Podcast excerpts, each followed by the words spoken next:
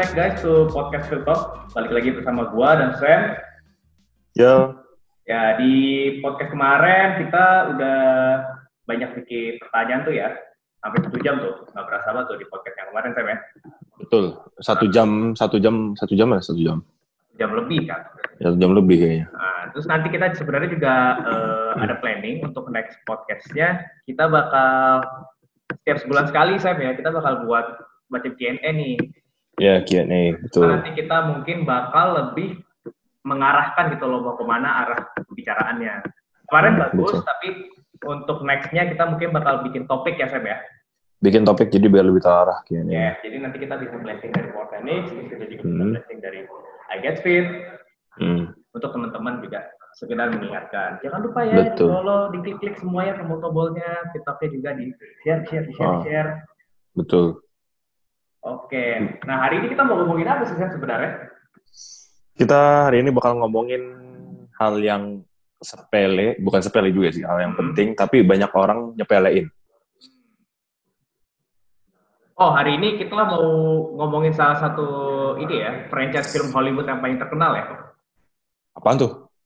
NFS, masa lu ya NFS? Ah, Need for Speed, Need, for, Sleep. Need for Sleep, oh Need for, Need for Itu- Sleep. Oh itu bukan film bukan film Hollywood ya? Bukan, bukan. Itu kan film Hollywood. Nah, kita bakal ngejelasin tentang tidur. Kenapa tidur? Karena ini sebenarnya juga ngaruh sih yang kemarin sempat kita bahas tentang super kompensasi. Kita nggak Yes. bahas juga tentang MRV. nah, ini MRV yang ada di podcast-podcast sebelumnya. Jadi ini eh, berkaitan gitu. Jadi tidur. Kenapa tidur gitu? Karena kebanyakan orang banyak menyepelekan tidur. Gitu kayak ya udahlah gue tidur 5 jam aja, gue tidur 6 jam aja. Gua, ya 6 jam oke lah, tapi kadang udahlah gue tidur 4 jam atau bahkan ada orang yang kerja di kantoran atau gimana, mereka bener-bener lembur sampai tidur cuma 3 atau 4 jam yang menurut gua itu sangat-sangat kurang optimal lah buat badan untuk recovery gitu. Yes. Betul nggak, Bang? Bukan Apalagi- cuma untuk orang ini ya, orang yang suka latihan, tapi untuk orang general juga berbahaya sebenarnya kayak gitu. Apalagi dulu ya, zaman-zaman masih ngampus ya. Dulu tuh iya, di, zaman-zaman di ngampus. apa di eh, jurusan gua teknik, Hah? gua teknik industri kan. Itu kita sampai bikin satu baju, gambarnya itu kopi, habis itu tulisannya sleep is for the weak. Sih. Ya, jangankan di baju, di lagu pun juga ada tuh, Sleep is for the Weak, lagunya Yes. Bring Me the Horizon. itu sleep is one of most underrated gitu kan. kayak orang-orang kayak Iya. oh fuck sleep gitu kan kayak ah Padahal- amat sama Iya. tidur gitu loh kan gue udah Iya. udah latihan udah bagus makan gue juga udah bagus gitu.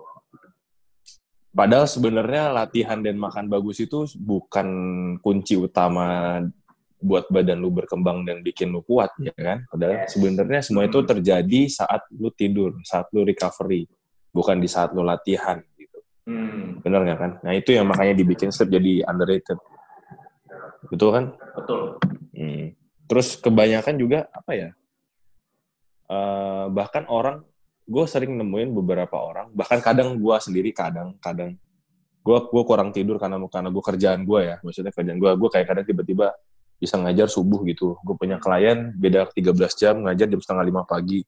Kadang gue baru bisa selesai selesai selesai ngajar itu bisa jam 11 ya kadang setengah 12 tidur ya tidur paling cuma berapa 5 jam lah 5 jam kadang ya kalau kondisinya terdesak tapi nggak setiap kali mungkin fine tapi kalau terus-terusan kayak gitu nggak akan bagus sebenarnya betul nah, semuanya gitu bakal sih. balik lagi sih ke Hmm. pertanyaan yaitu sih for how long gitu loh. for how long iya untuk untuk untuk berapa berapa berapa lama gitu kan Mm-mm. kan sulit gitu kalau misalkan terus-terusan kayak gitu badan lu akan jadi lemes lu kurang tidur lah lu jadi nggak bisa secara kognitif lah maksudnya secara flu otak lu jadinya capek jadi lu nggak bisa berfungsi maksimal lanjut Ya. aja sih bam lanjut aja ke latar belakang masalah kita gitu Ya mungkin kalau Apa itu? buat teman-teman yang masih muda kayak gue gitu ya, mungkin tidur cuma apa ya, masih belum teratur, terlalu teratur masih bisa lah kalau masih muda. Iya. gua. Tapi Iya, kayak udah, iya, udah kayak Sam gitu, kayaknya udah mulai bangun-bangun udah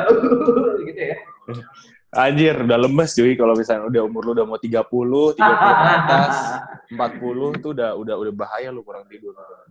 Ganggu Oke. banget.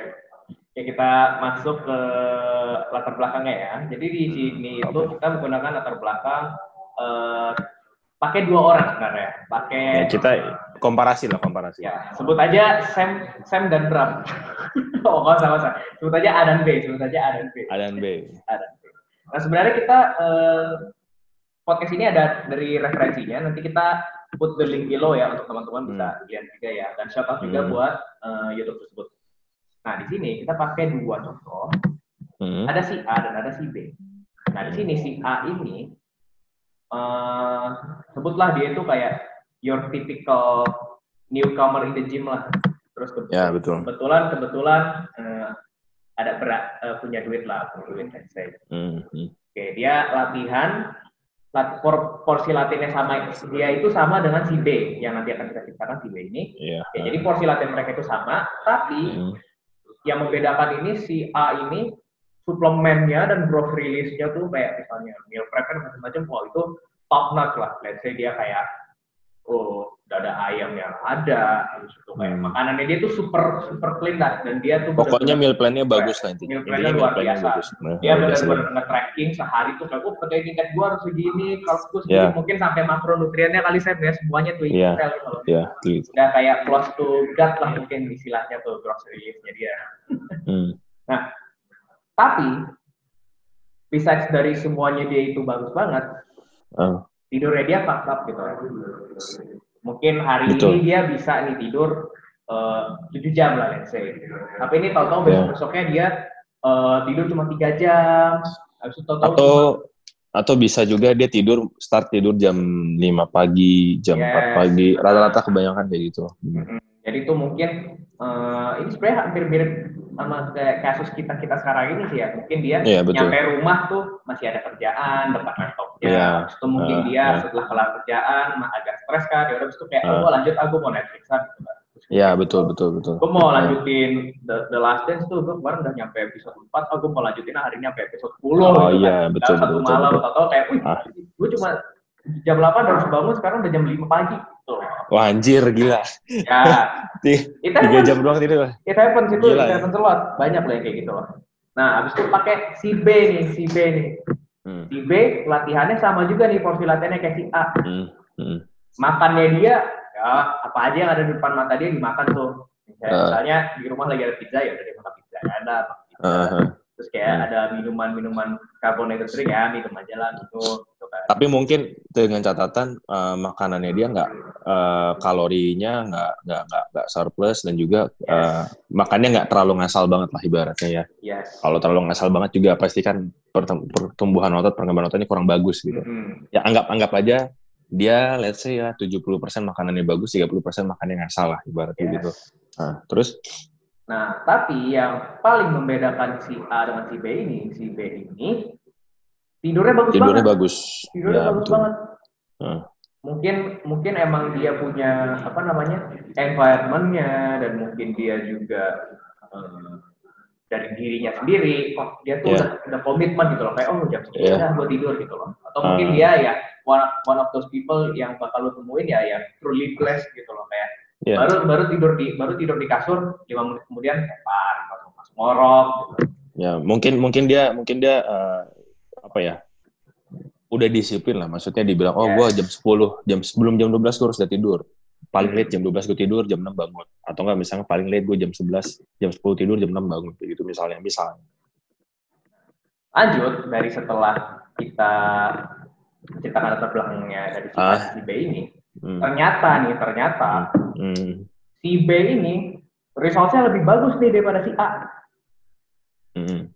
dia bisa perform lebih bagus di gym dan ternyata Hmm. in terms in muscle hypertrophy-nya dia dan juga strength-nya dia ternyata dia bisa increase lebih besar daripada si Iya. A. Ah, betul. akhirnya muncul Gua- nih pertanyaan Ah. apakah tidur benar-benar pengaruh itu sih sebenarnya? Hmm. Betul, betul. Mm-mm. Uh, tidur itu sangat-sangat berpengaruh gitu. Kayak yang kita tahu, produksi growth hormone dan yang lain, hormon-hormon lain yang berperan penting buat uh, pertumbuhan massa otot gitu kan, yang buat relaksasi muscle, eh, relaksasi, maksudnya recovery muscle kita itu uh, diproduksi pas kita tidur, bang, bener kan? Lu, Yes. lu pernah dengar kan kayak gitu? Yes. Nah, bahkan uh, nanti mungkin kita di next podcast bakal jelasin waktu-waktu tidur yang optimal kali ya. Maksudnya kayak Hmm. kita jelasin jam tidur jam berapa aja, hormon diproduksi lah kayak gitu kan. Yang maksimal tuh jam berapa. Pada saat fase deep sleep, justru waktu fase deep sleep hormon itu uh, diproduksi sangat maksimal sekali ketimbang uh, lu tidurnya cuma 2-3 jam gitu kan. Yes. Ya kan? Mm-mm. Nah, terus uh, tambah lagi kayak contohnya misalkan lu kurang apa ya ibaratnya ya. Maksudnya dalam tidur itu lu pernah gak sih kayak tidur tidur kayak udahlah gue dalam sehari yang penting gue tidur 6 jam aja tapi dibagi-bagi tidurnya Yes. nggak apa-apa gue tidur 2 jam nah kadang ada orang yang kayak gitu justru hal yang kayak gitu nggak apa ya nggak nggak akan maksimal ke, ke tubuh lu gitu karena balik lagi eh, ada research yang bilang tubuh lu itu bakalan recovery maksimal nurunin hormon kortisol saat lu tidur sekali tidur dari malam sampai pagi ketimbang lu nyicil tidur kayak gitu Hmm. ya kan Itu gua tahu tuh yang orang-orang tidur di pagi-pagi itu gua tahu nama sektenya.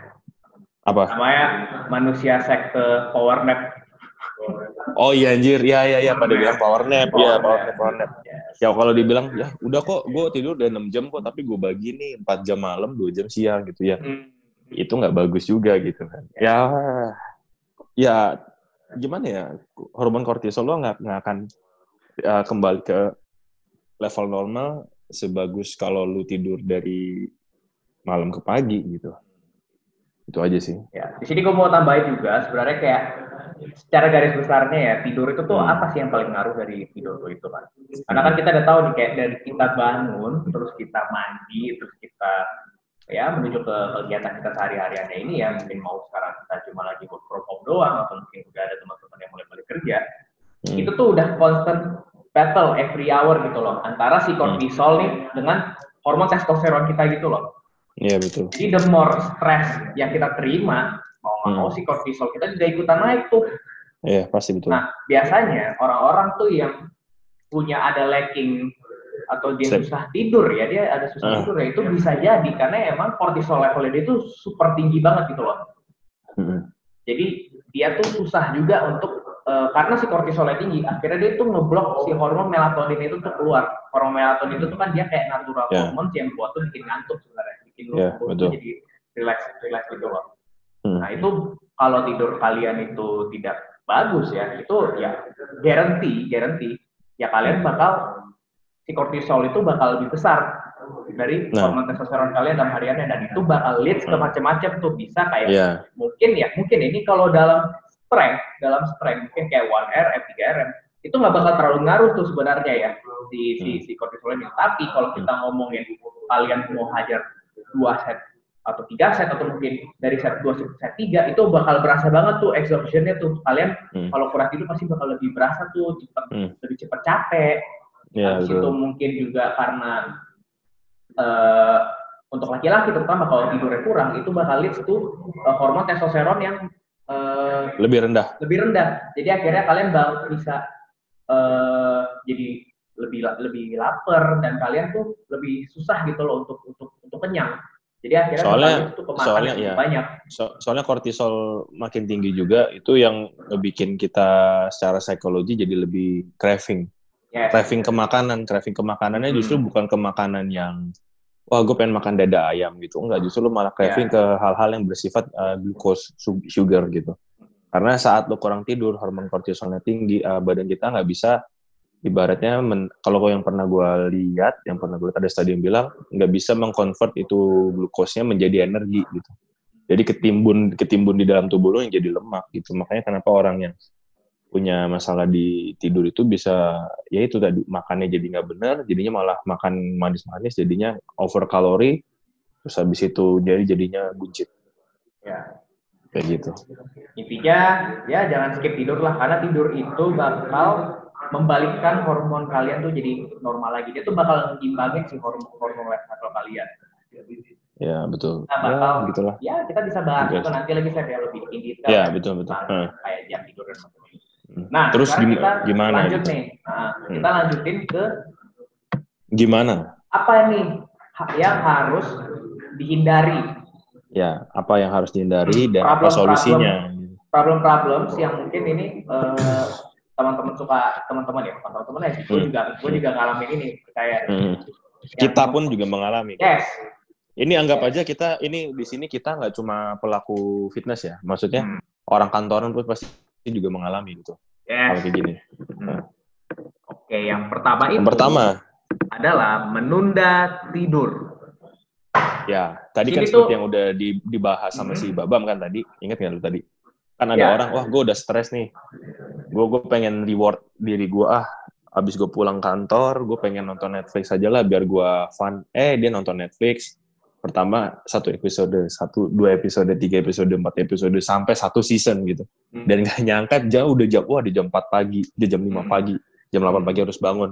Nah rata-rata itu yang kebiasaan orang menunda tidur pasti kebiasaan garis besarnya kayak gitu, ya kan?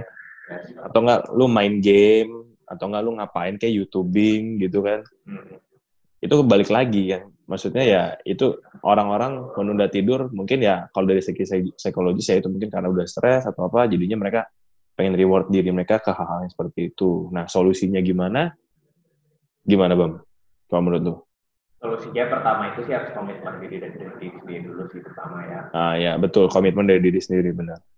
Ya. Dan gue juga ada beberapa tips karena dulu gue juga pernah ngalamin ya. Gue dulu udah pernah cerita sama lu Sam ya, yang dulu mata gue sempat bermasalah ya gara-gara Ah iya. Betul. Ini ini sebenarnya lebih eh, salah satu solusi. Yaitu tuh sebenarnya kalau kalian kebanyakan pasti semua orang di era ini tuh susah pra- eh, punya problem tidur pertama karena mereka udah ke ekspor eh, udah ke exposure sama blue light Oh ya bulat dari Ya. sinar dari radiasi dari HP dari radiasi laptop dari ya. HP dari laptop gitu loh. Ya. Gua ada tips untuk kalian eh, kalau kalian itu tadi ini kan eh, apa menunda tidur ya menunda tidur ya. Oh. Nah, jadi kalau bisa emang kalau kalian memang belum mau tidur atau apa hindarin Hmm. hindarin kayak handphone hindarin eh, elektronik. Kalau gue sih untuk apa kayak bikin habit baru gue lebih kayak eh, kayak bukan exercise sih jatuhnya tapi kayak light activity gitu sih kayak Hmm. baca buku Ya baca buku bener. Baca buku Ya. bisa bikin orang lebih ngantuk. Timbang ya betul. Ya, itu sih suspek. Kalian kalau bisa sih satu jam sebelum mau tidur, hindarin elektronik dulu sih. Karena itu efek radiasi dan blue light-nya ngaruh banget. Nah, atau bisa lu meditasi, tapi bukan Yes. meditasi yang yoga gimana, kayak lu meditasi pernapasan lah, ya napas, inhale, exhale. Karena dari misalkan gini, ada yang disebut dengan sympathetic nervous system, ada yang disebut dengan parasympathetic nervous system. Oke, ini bahasanya memang agak ilmiah, cuman uh, sympathetic nervous system itu ada jelasin singkat aja. Sympathetic nervous system itu adalah uh, sistem syaraf di mana uh, lu orang, lu orang itu di dalam kondisi stres. Itu sympathetic nervous system. Nah, itu buat uh, convert maksudnya beralih ke parasympathetic nervous system itu adalah dilakukan dengan caranya uh, pernapasan. Pernapasan itu ya meditasi tadi. Nah, mungkin satu jam sebelum tidur ngelakuin pernapasan, inhale, exhale, tenang sampai uh, tadi yang kondisi tubuh kita yang di sympathetic nervous system jadi ke parasympathetic nervous system. Nah, parasympathetic nervous system itu definisi singkatnya itu tubuh lo di dalam kondisi yang ibaratnya uh, light. Light itu maksudnya yang apa ya? Yang tenang lah ibaratnya relax kayak gitu. Nah, itu yang bikin lu jadi jadi ngantuk, badan lu jadi uh, mungkin muka lu yang tadi pulang, pulang kantor atau habis latihan tuh kayaknya tense banget jadinya uh, relax kayak gitu. Katanya kayak gitu. Tambahan dari gue sih. Oke. Nah, sekarang hal yang harus dihindarin kedua itu adalah lack of inactivity atau Yep. kurang aktivitas. Kurangnya uh, apa ya ibaratnya? Kurang aktif lah gitu loh. Yes. Ya. Cuman orang kantor atau enggak apalagi pas lagi PSBB gini kan kebanyakan orang jarang aktivitas fisik, kebanyakan rebahan atau gimana gitu kan. Jadinya ya heart rate-nya jadi slow, slow. Terus kayak, aduh, gue kok nggak bisa tidur ya? Ya, kayak nggak ada aktivitas fisik sama sekali kan. Hmm. Badan lu dikasih makan terus, jadinya badan lu on terus gitu. Itu yang bikin lu jadi sulit sulit buat tidur. Nah, solusinya gimana ya? Solusinya gampang ya. Latihan. Eh, aktif. Nggak latihan harus angkat beban. Nggak, lu jalan kaki kayak seribu langkah sehari. Eh, sepuluh ribu langkah sehari. kayak siapa sih dokter Nick itu kan? Bokapnya. Hmm. terus atau nggak lu sepedaan ke atau nggak lu jogging ke atau misalkan ngapain gitu pokoknya aktivitas fisik lu beresin rumah tuh bersihin rumah nyapu ngepel Yes. lu punya halaman rumah lu tata tuh halaman rumahnya gitu kan Sama satu Mungkin- lagi, Mungkin bisa Karena- mulai dari kamar dulu tuh ada debu di Iya. kamar dikit.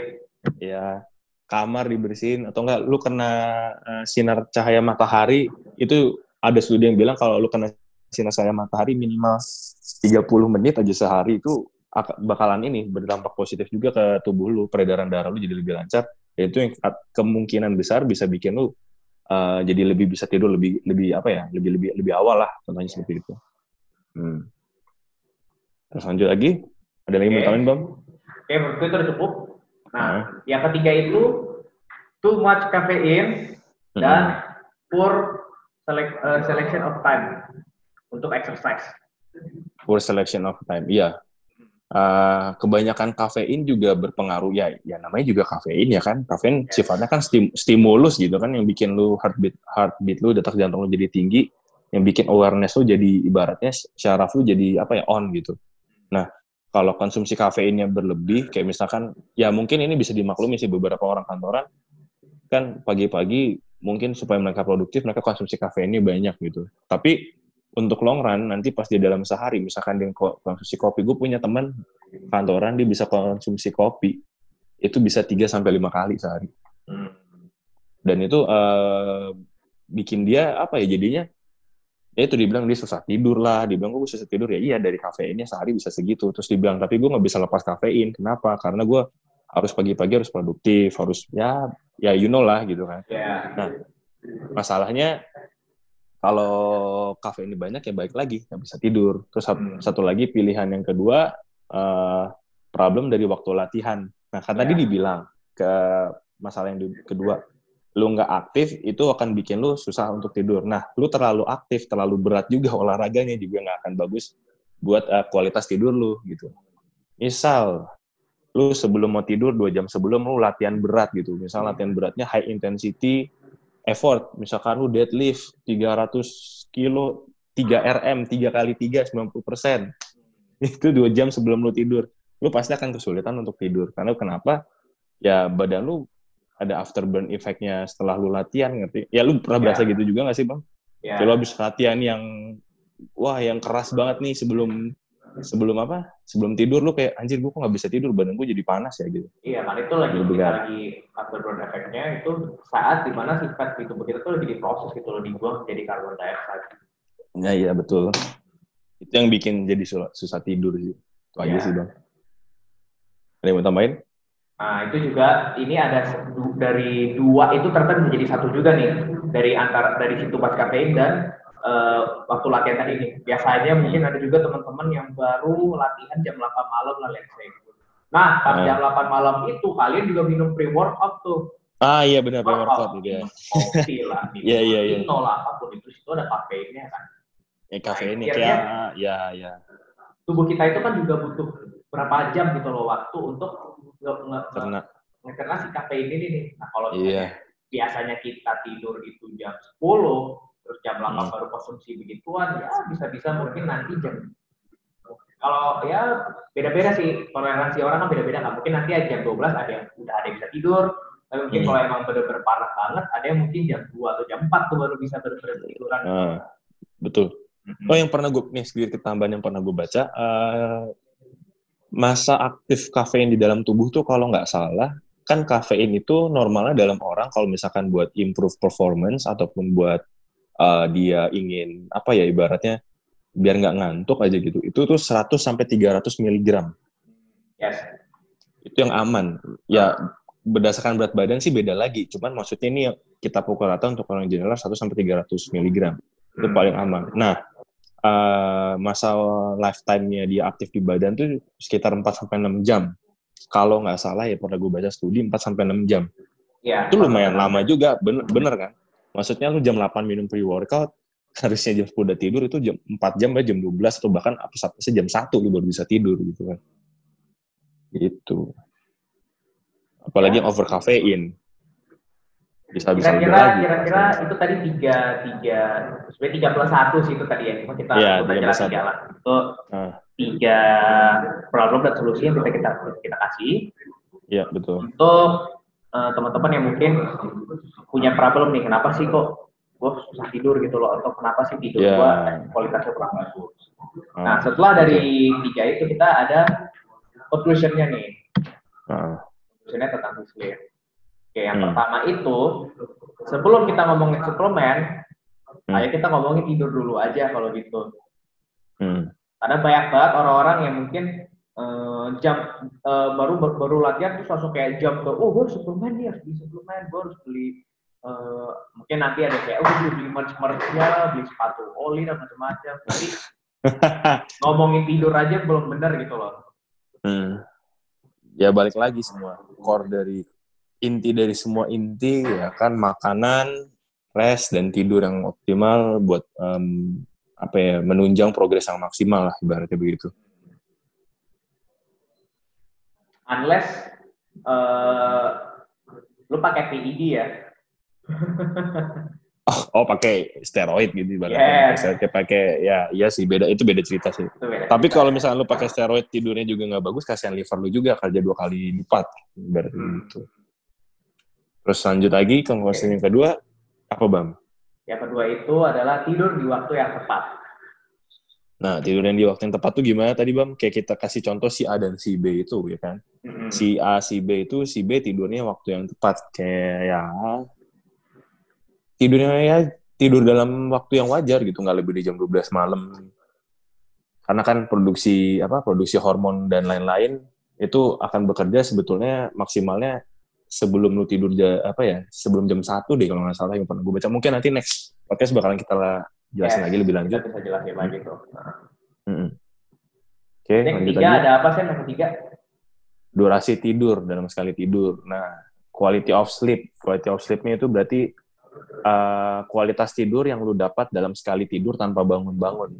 Ya, dari dari jamnya dari jam 11 malam sampai jam 8 jam, let's say sampai jam 7 pagi, lu nggak bangun-bangun sama sekali. Nah, itu yang uh, me- apa ya, ibaratnya mere- merepresentasikan tidur yang berkualitas gitu.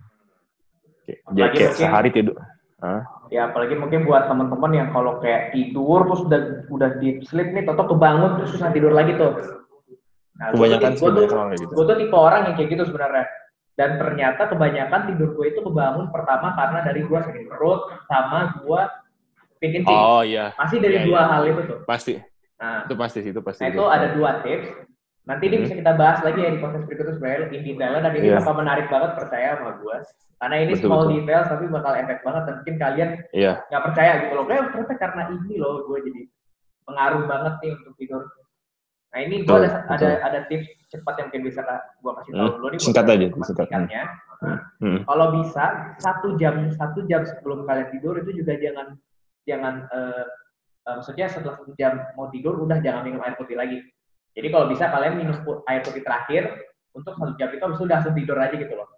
Karena biasanya betul, kalau betul. kalian minum dulu habis itu langsung tidur, biasanya nanti tuh berapa jam kemudian nanti kebangun karena aduh gue kencing. Kencing. kencing. mules Mungkin- lah, apalah. mungkin kalau makan juga jangan langsung kayak ya gue gue sendiri sih ini agak susah dikontrol sih emang gue jujur aja kayak malam-malam nih kayak gue baru pulang gitu kan kayak oh ternyata gue masih ada harus makan ini nih harus protein intake gue gitu macam Oh, makan terlalu terlalu Ya, ini ya, makan terlalu terlalu dense banget, terlalu dense Yes, banget. Kalau iya. apa ya, terlalu padat, terlalu padat makanan yang terlalu banyak. itu apalagi mungkin Pengaruh ke makanan- tidur. makanan-makanannya mungkin yang pedes-pedes lah atau apa yang bikin ya bikin kalian sakit perut lah atau apa itu itu bakal ngaruh banget tuh bisa bikin kalian bangun ya. malam-malam gitu. Betul, tapi, betul. tapi lain cerita lagi ya kalau emang maling yang datang ya ke rumah ya itu harus bangun. anjing. Eits, gue ngomong anjing disensor. eh, Oke, itu aja sih sebenarnya konklusi saya ya. Yoi. Nanti untuk untuk untuk apa eh, podcast berikutnya kita juga udah ada pikiran. Kita cuma belum tahu aja nih kapan mau rilisnya ya. Nah, nanti Iya. yeah. Mas Sam bisa dulu. Coba Hmm. gue yakin podcast tentang sleep ini perlu banget sih. Karena ini Hmm. masih salah satu habit yang susah dibentuk sih. Apalagi Betul. kalau kalian bisa lebih mudah startnya dan bisa jadi rutinitas nanti sampai eh, sudah berumur, Kebiasaan. kebiasaan Jadi disiplin. itu bisa Hmm. bisa bisa bagus banget sih impactfulnya. Hmm. Betul. Oke, Oke, gua rasa eh, gua dan Sam udah rasa kayak udah cukup untuk podcast yang hari ini ya tentang Ya. Need for Sleep. Oke. Sleep. Need for Sleep kita bisa cukup ya. Oke, okay, uh, jadi title tuh Need for Speed tuh. Title, jadi title, jadi title. Oke, okay, sip. Ini okay. uh, sebelum kita akhirin podcast ini sebagai pengingat, uh, kita kalian bisa ini ya uh, follow kita punya sosial media di Instagram di Agatspeed.